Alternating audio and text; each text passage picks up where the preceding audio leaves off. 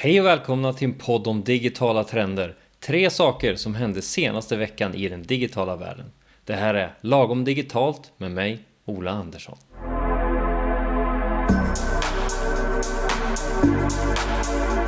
Det börjar bli dags inte bara att runda av året utan också årtiondet. Och då ska man kunna tänka sig att de stora techjättarna tar det lite lugnt och börjar varva ner inför jul och nyår. Men icke.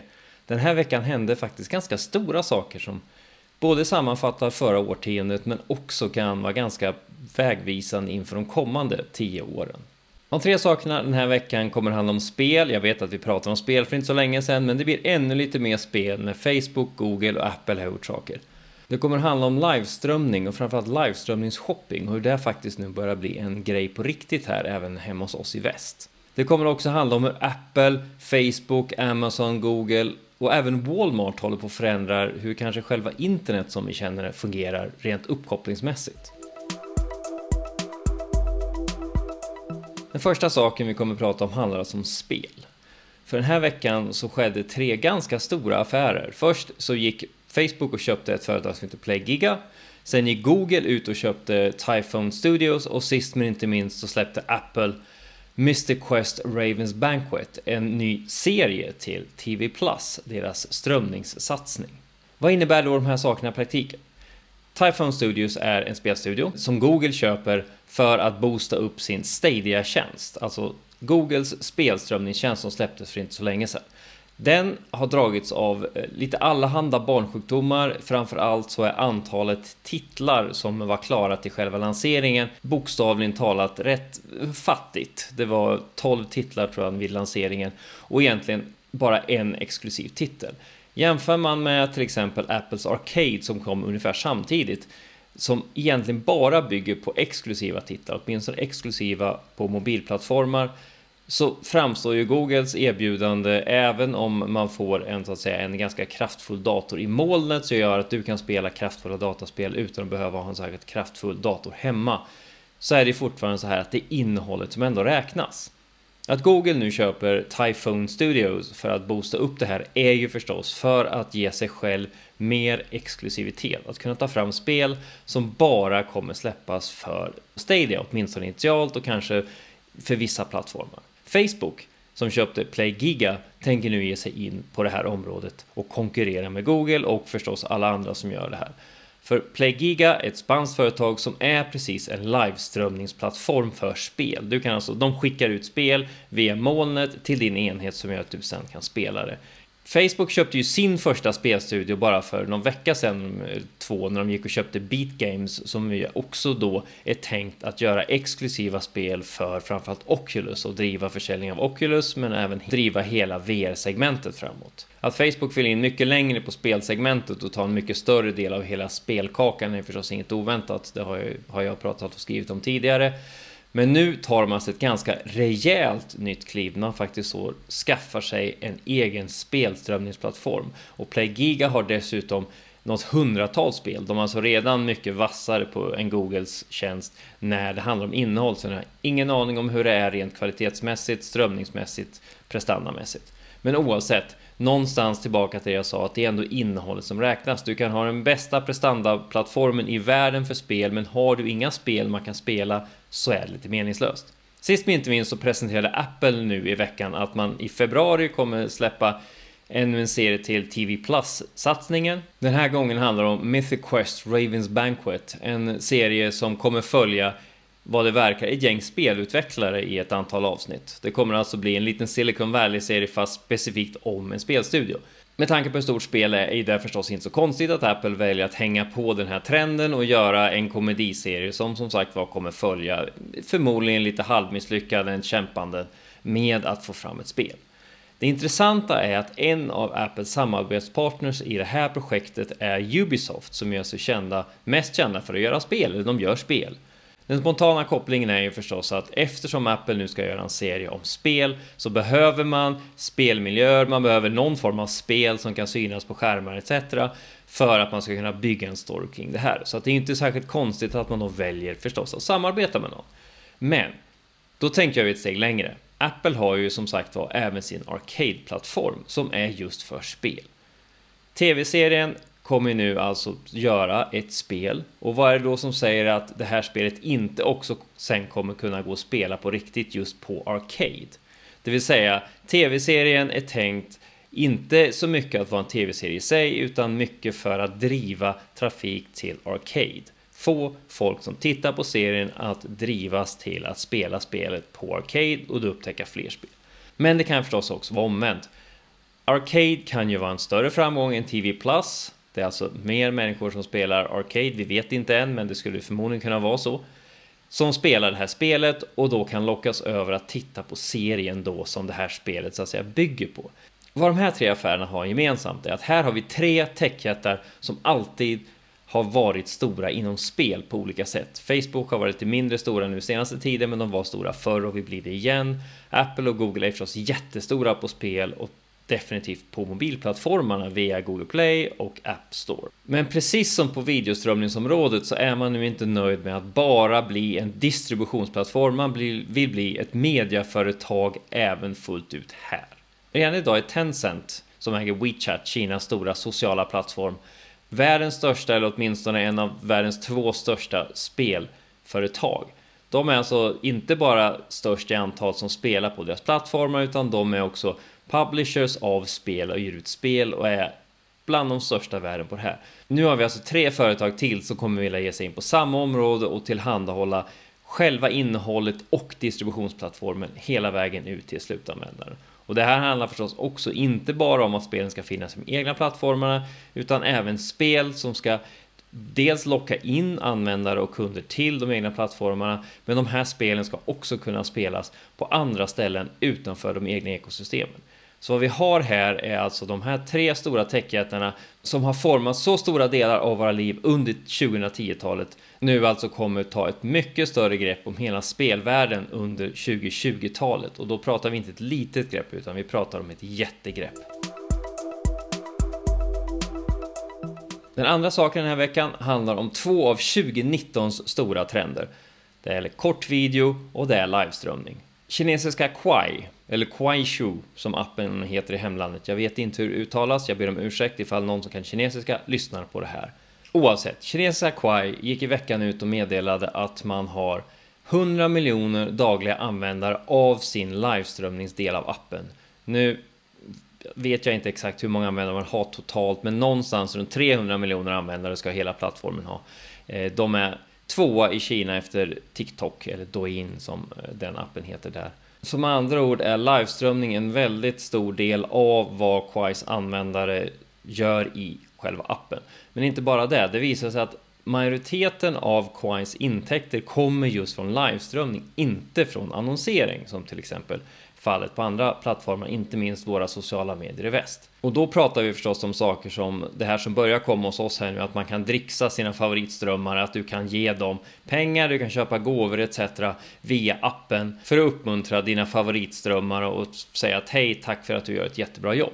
Nu håller Quai på att steppa upp hela sin satsning inom shopping. För livestreamingsshopping är ett jättestort fenomen i Kina och vad har varit det under hela året.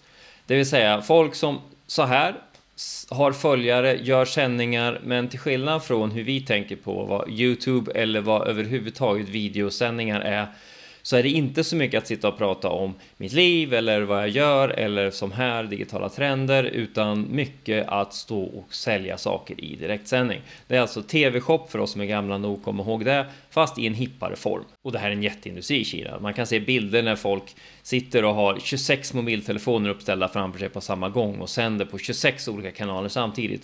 Och det handlar om människor som egentligen bara står och säger köp den här, köp den här, köp den här.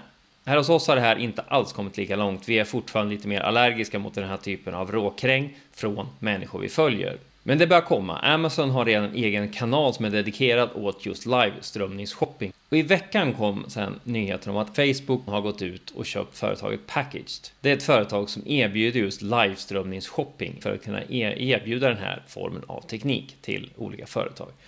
Nu kommer alltså Facebook bygga in den här tjänsten i sina egna plattformar och sina egna appar. Men till skillnad från Amazons kanal där det så att säga handlar om att företag på bästa sändningstid får sitta och sälja saker så kommer package-tekniken som det ser ut att integreras i Marketplace, alltså Facebooks mestadels andrahandsmarknad där privatpersoner säljer saker. Det här tyder ju på att Facebook lite tänker gå samma spår som man har i Kina, det vill säga att det är vanliga människor som säljer i direktsändning till sina följare. Finns förstås ingenting som stoppar företag från att göra det, men just att man väljer marketplace-spåret tyder ju på att det är mer, precis som övrigt, att det är mer att man vill ha in vanliga användare för vanliga användare drar mer engagemang och kan locka in fler nya användare. Så att det är ju lite i linje med allting man har gjort på satsningen på de senaste åren för hela Facebooks plattformar att premiera vänner och vanliga människor snarare än företag och sidor. Det här kommer förstås bli spännande att följa med tanke på att Facebook under 2019 har lagt på checkout-funktion på Insta men även har gjort på Facebook.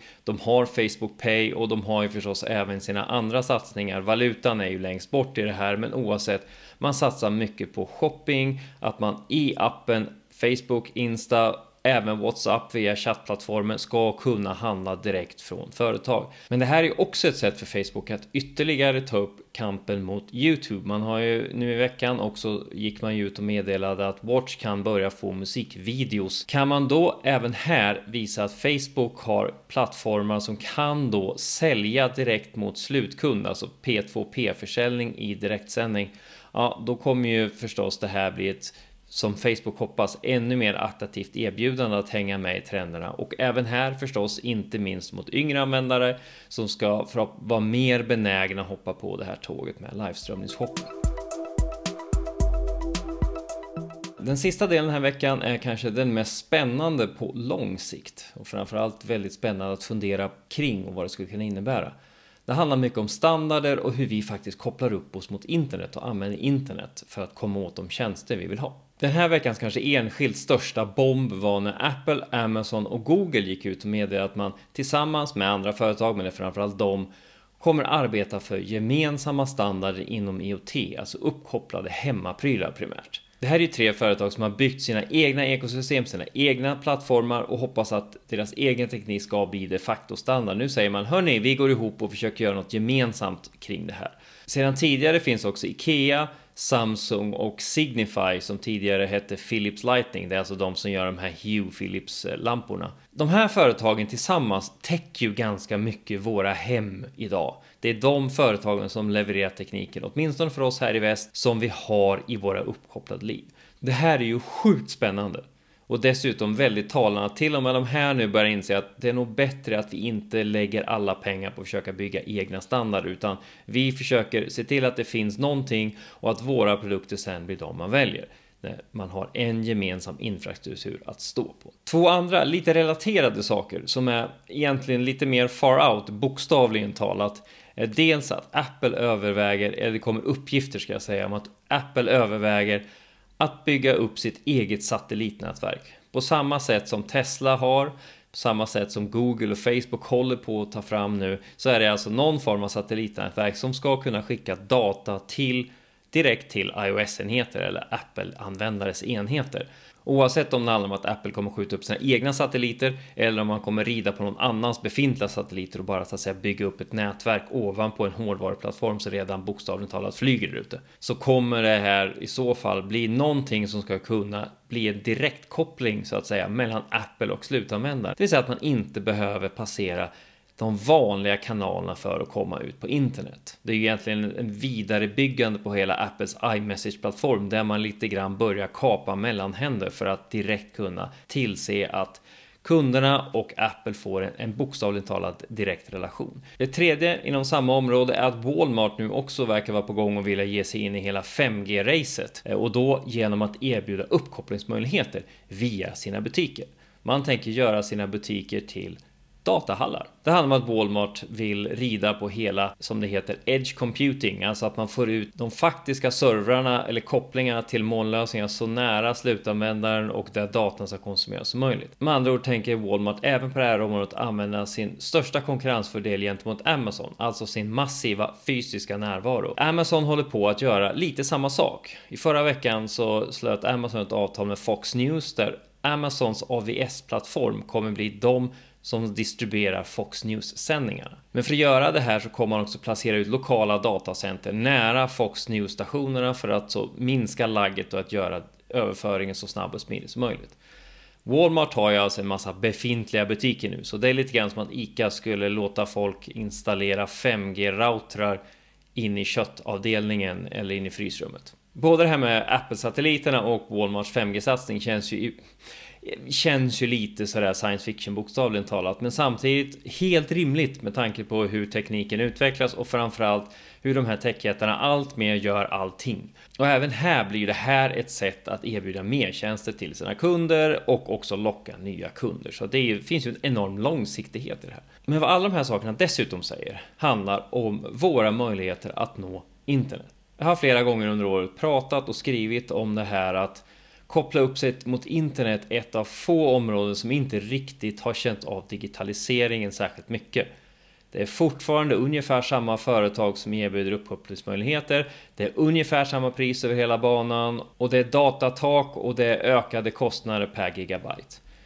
Börjar vi nu se företag som inte alls behöver jobba med det här som någon form av primär funktion för verksamheten. Lite grann som att de här företagen nu släpper strömningstjänster, musiktjänster som någon form av add-on som man kan subventionera. Då kan det ju på riktigt börja hända saker med priserna. Men vad vi också ser är alltså det här är nätverk som börjar kunna gå vid sidan av internet. Om vi då pratar internet som det här decentraliserade nätverket.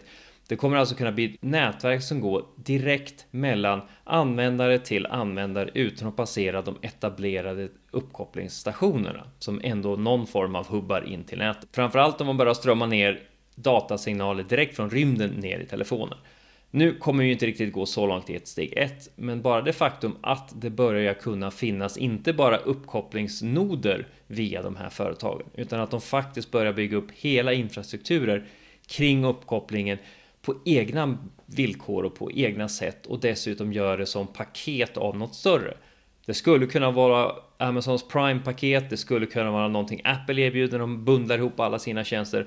Walmart har redan den här typen av tjänster, Google och etc. Då börjar det hända saker med hur vi ser på internettillgång överhuvudtaget. På gott och ont, för det här bygger ju ändå på att du också ska vara kund någonstans. Men om alternativet då blir att du ska betala några hundralappar bara för att få internetuppkopplingen varje månad, eller Eftersom du redan är Prime-medlem, eftersom du redan har ditt liv i iOS-molnet eller Walmart eller att du redan har allting som Google har att erbjuda. Varför inte då bara låta internetuppkopplingen följa med på köpet lite grann? Och det kommer ju förmodligen kännas som ett väldigt attraktivt erbjudande, inte minst som man kan börja se över vad taken för datatrafik är. Det vill säga att användare inte behöver fundera så mycket på maxtaken utan här får ni mer fri surf.